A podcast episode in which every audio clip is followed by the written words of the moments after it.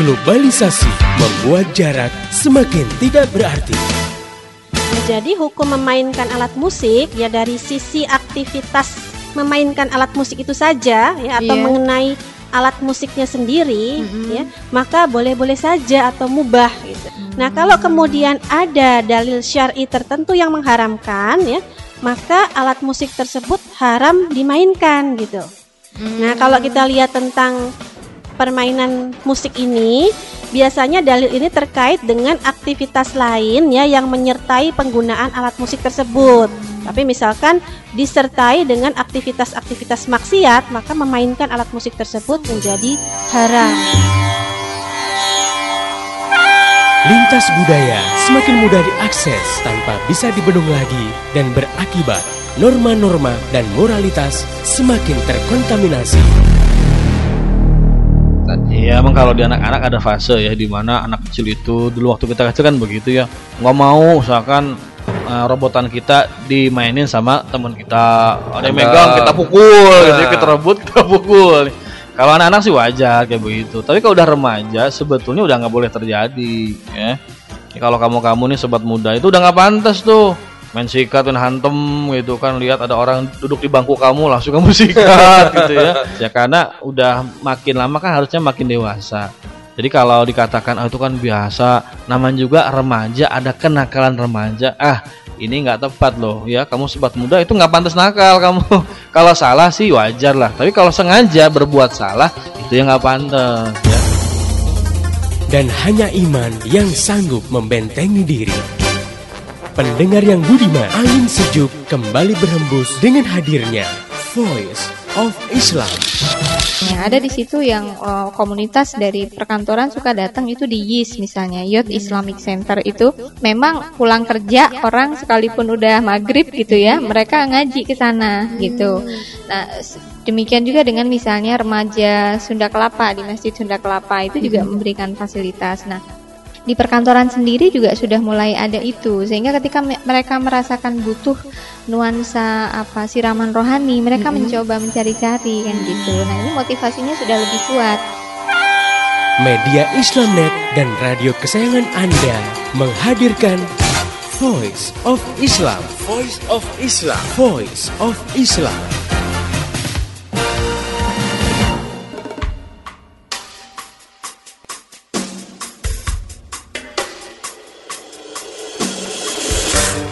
Halo Indonesia, Assalamualaikum warahmatullahi wabarakatuh. Jumpa dengan saya Laili Triana dalam program Voice of Islam.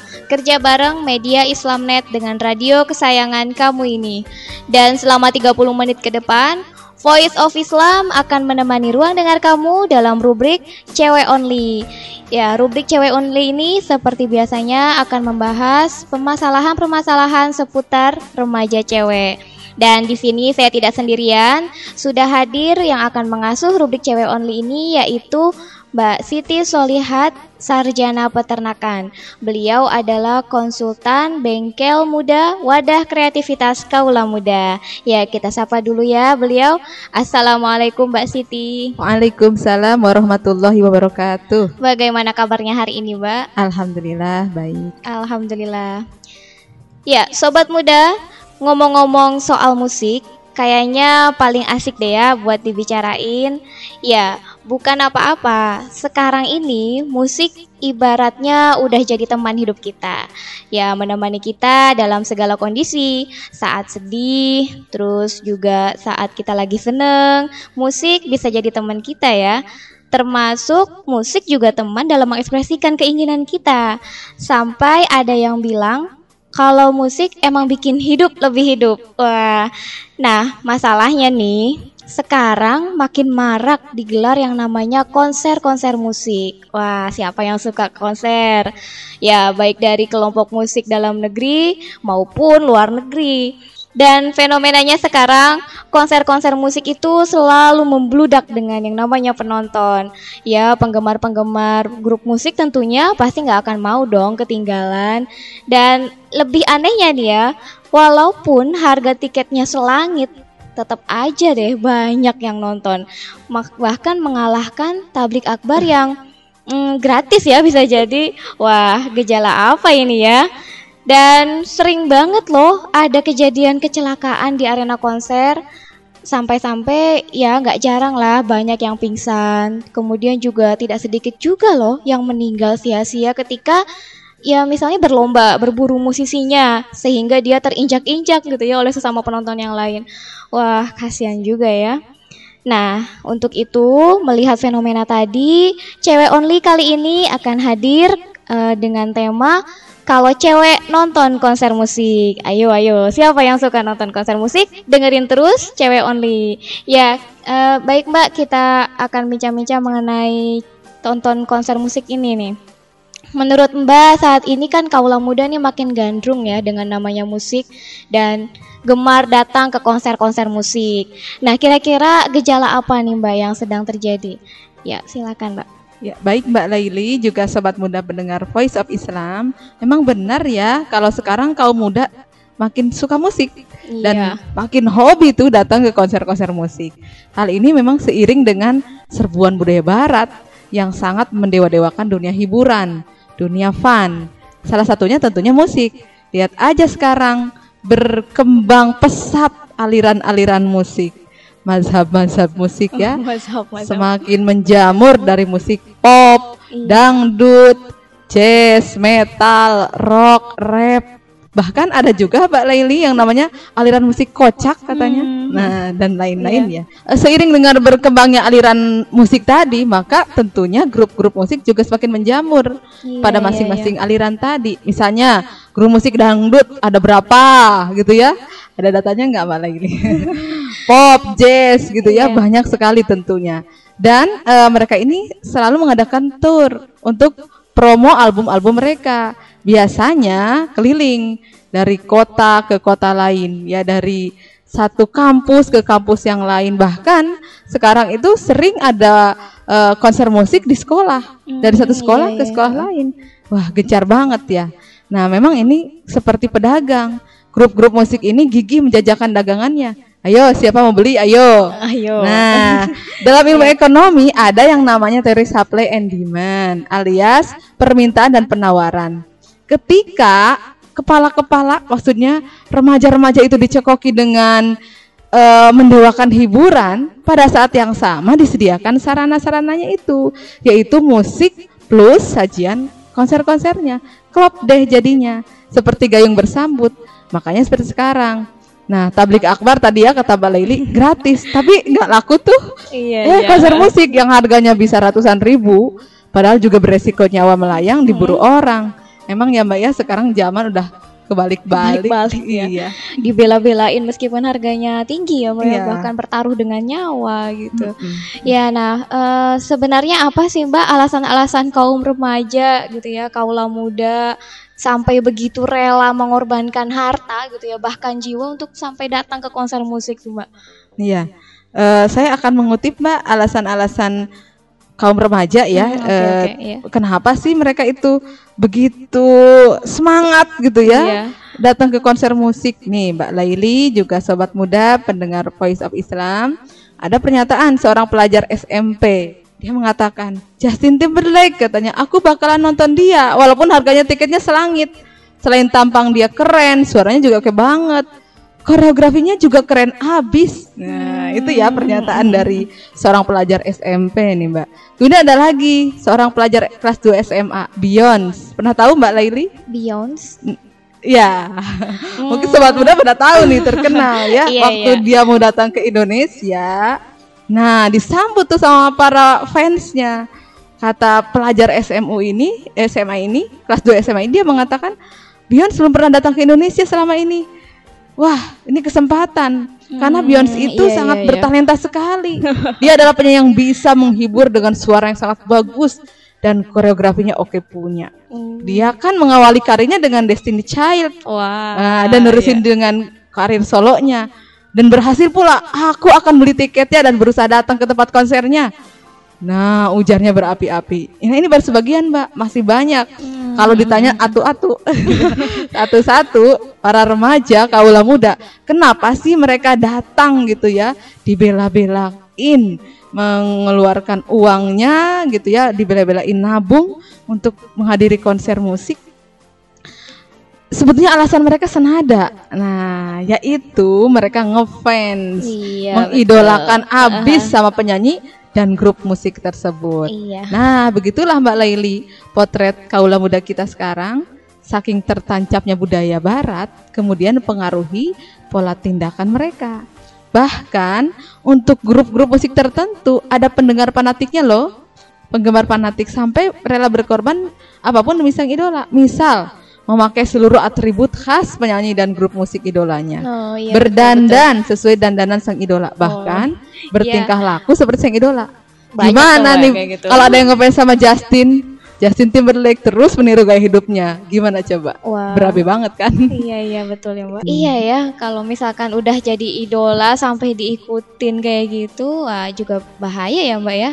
Nah berarti makin jelas sekarang gitu ya bahwa kaula muda kita nih udah semakin teracuni berarti ya mbak ya pola pikirnya dan pola sikapnya gitu ya. Bisa dibilang ya gaya hidup mereka udah udah benar-benar terpengaruh dengan gaya hidup barat.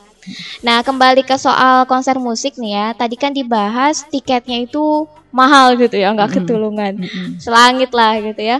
Dan sebenarnya juga bisa dibilang kan nggak aman ya kalau pesertanya itu sampai membludak gitu ya sampai banyak yang mati sia-sia terus kalau tiketnya murah gitu ya terus dan dijamin aman nih misalnya tempat eksklusif gitu ya terus juga diantar sama ortu nah kira-kira kalau kayak gitu boleh nggak kita datang ke konser musik nih mbak Hmm. Ya, baik Mbak Laili dan sobat muda pendengar Poi. Nah, ini bagus pertanyaannya kalau udah ada boleh enggak Oh, gitu ya. iya. Nah, berarti udah mikir nih ya. Sebelum berbuat enggak asal tubruk. Nah, pokoknya mah eh, gue ngefans terus datang aja ke konser. Nah, kalau udah bertanya, boleh enggak? Berarti di sini kita harus mempertimbangkan perbuatan tersebut dan kemudian dikaitkan dengan status kita sebagai seorang muslim Hmm, tentunya iya, ya. Betul enggak? Karena setiap perbuatan itu sebelum dilakukan harus tahu dulu dong hukumnya seperti apa. ya betul Nah, dalam sekarang istilah syara itu ada diungkapkan Mbak Laili Iya. juga sobat muda eh, diungkapkan bahwa al aslu fil af'al at-taqayyud bi hukmi syar'i. Artinya bahwa setiap perbuat asal perbuatan itu terikat dengan hukum syara, hukum Allah. Hmm, Nah, sekarang kita lihat apa yang terjadi di arena konser musik. Apa coba? Campur baur kan Oh, antara iya. laki-laki dan perempuan. iya Campur baur abis deh gitu ya. udah udah habis campur campur baur. Dalam agama Islam campur baur itu katakan ikhtilat. Oh, Ini iya, sangat iya, jelas iya. dilarang. Ya, karena dalam eh, Islam itu dit- eh, diatur bahwa kehidupan laki-laki dan kehidupan wanita baik di dalam kehidupan khusus di rumah gitu ya, juga dalam kehidupan publik, kehidupan umum itu dipisah gitu ya. Nah, ini tidak boleh ikhtilat. Jadi nggak boleh juga. Berarti eh, konser musik karena ikhtilat ya nggak boleh, ya kan? Nah, karena pada faktanya ada nggak sih konser musik yang duduknya dipisah gitu ya, dikasih batas laki-laki perempuan? Saya yakin nggak ada tuh sampai sekarang. Hmm, paling Misalnya nih, misalnya nih konsernya Bang Haji Roma Irama, Oh, dia kan iya, suka iya. bawain lagu-lagu Islami ya, lagu-lagu dakwah. Eh audiensnya tetap aja bercampur baur. Apalagi konser slang. Saya pernah loh Mbak Laili lewat ya di satu tempat ketika sedang ada konser slang. Saya baru tahu fenomena konser itu seperti apa.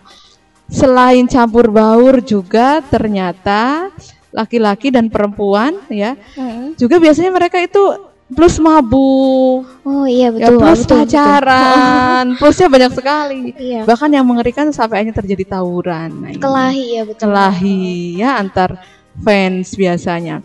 Ini yang yang mengerikan.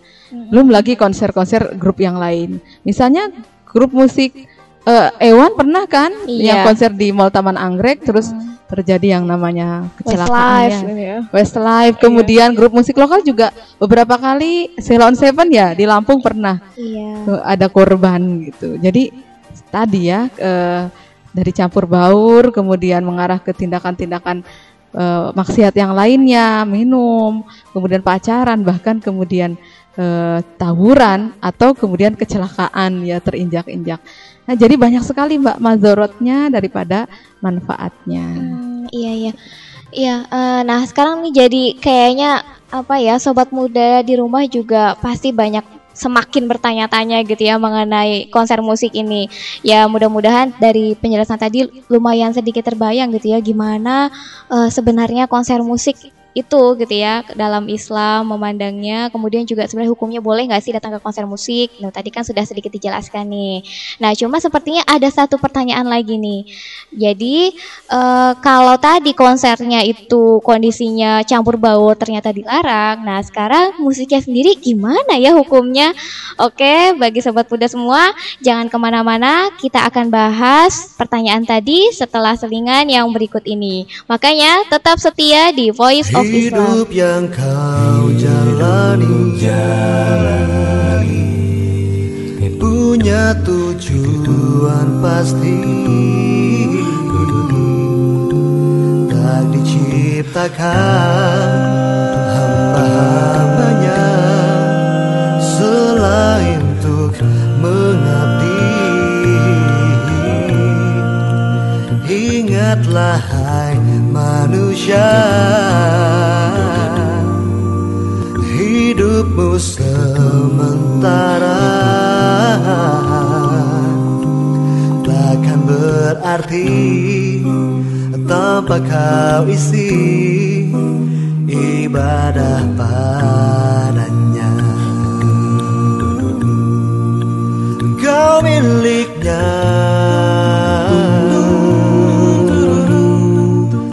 Kau miliknya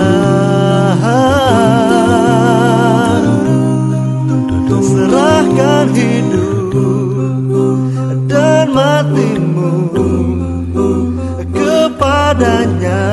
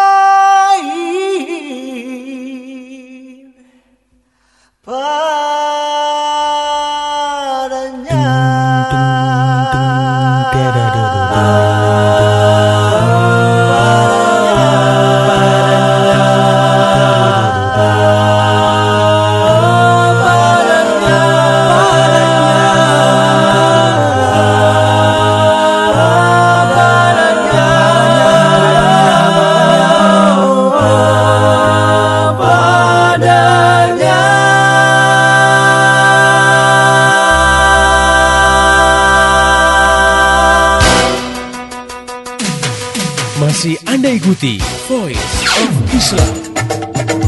Jangan ke mana-mana, ikuti acara ini hingga tuntas nanti. Tuntas nanti, tuntas nanti. Voice of Islam, persembahan media Islamnet dan radio kesayangan Anda ini. Voice of Islam, Voice of Islam, Voice of Islam.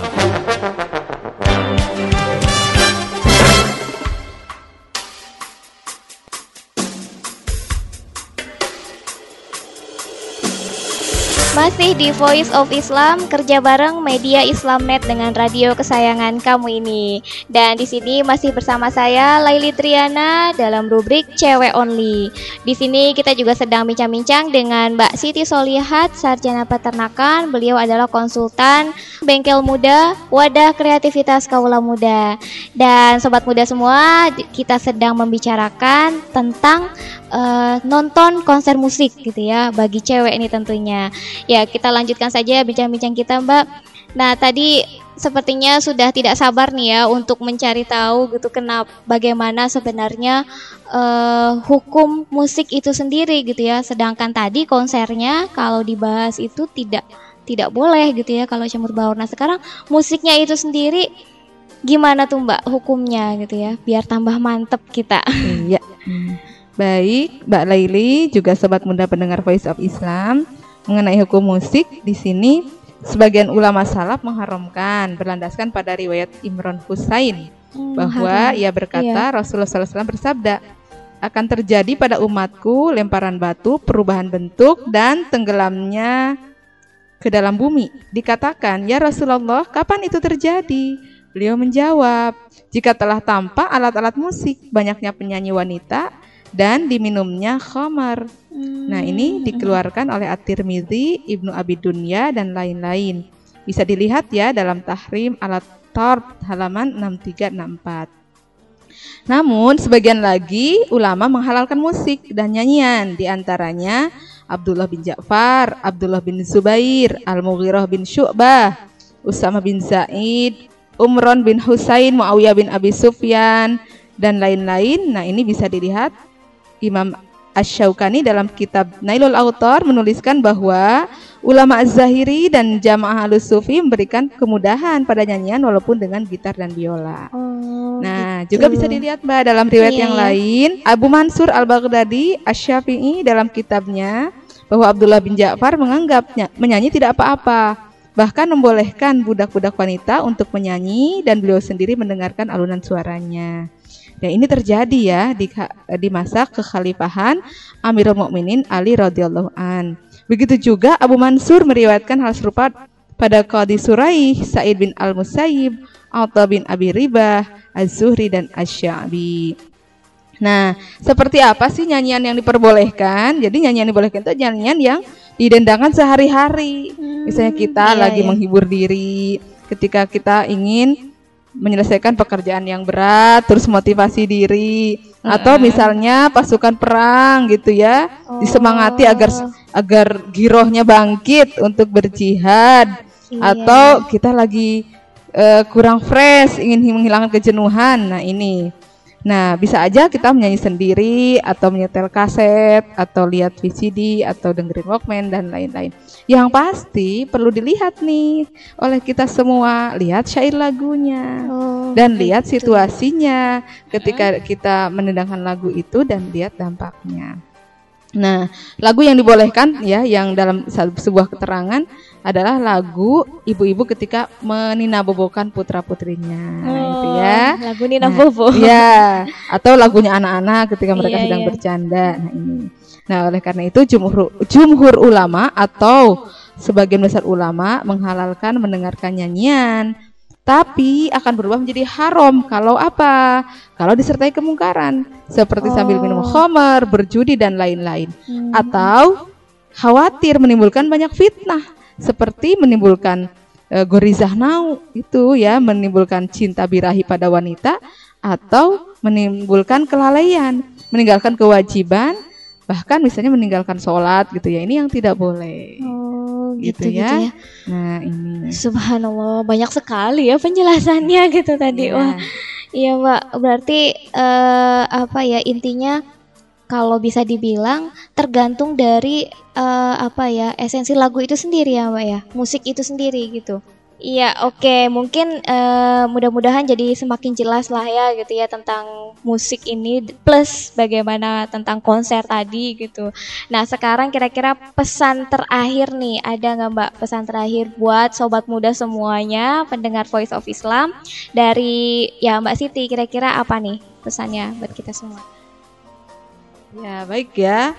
Uh, Mbak Laili dan sobat muda pendengar Voice of Islam. Nah, sekarang berarti jelas hati-hati kalau mau dengerin musik. Hmm, Berarti kan nggak usah lah ya datang ke konser gitu ya.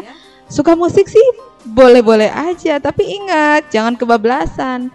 Ya sekedar untuk menghibur sih oke. Okay. Hmm, Apalagi kalau untuk menyemangati diri ya. Namun harus selektif juga milih-milih lagu ya. Jangan sampai dari lagu itu bisa menghantarkan kita kepada pelalaian terhadap hukum Allah dan melanggar bahkan melanggar perintah Allah. Pilihlah lagu-lagu yang bisa memotivasi kita untuk semakin takwa dan semakin semangat untuk bisa meraih kesuksesan. Dan tentunya nggak usah lah ya kita ngefans sama penyanyinya. Juga jangan sampai deh kita ikutin gaya hidup para penyanyinya, terutama gaya hidup yang hedonisme dan liberalisme kebebasan. Iya, Ini iya. resep untuk sobat muda pendengar Voice of Islam agar kita semakin oke. Okay. Hmm, so pasti ya bagaimana sobat muda semuanya sudah mantap dong ya gimana kita bisa menyikapi musik dan bagaimana nih buat sobat muda yang pengen datang ke konser musik. Oke deh sekarang tahan dulu, tahan dulu, tahan aja gitu ya. Toh dengan tidak datang ke konser musik nggak akan rugi. Kok ya mbak ya justru datang malah rugi ya. Kita hilang harta hilang uang gitu ya. Kemudian juga bisa jadi hilang nyawa. Wah min dzalik ya mudah-mudahan uh, itu semua bisa menjadi apa ya pengetahuan baru buat sobat muda semuanya tentang ya bagaimana supaya kita bisa lebih selektif lagi dalam uh, memilih musik gitu ya. Musik-musik yang uh, jelas dibolehkan untuk didengarkan ya mbak ya.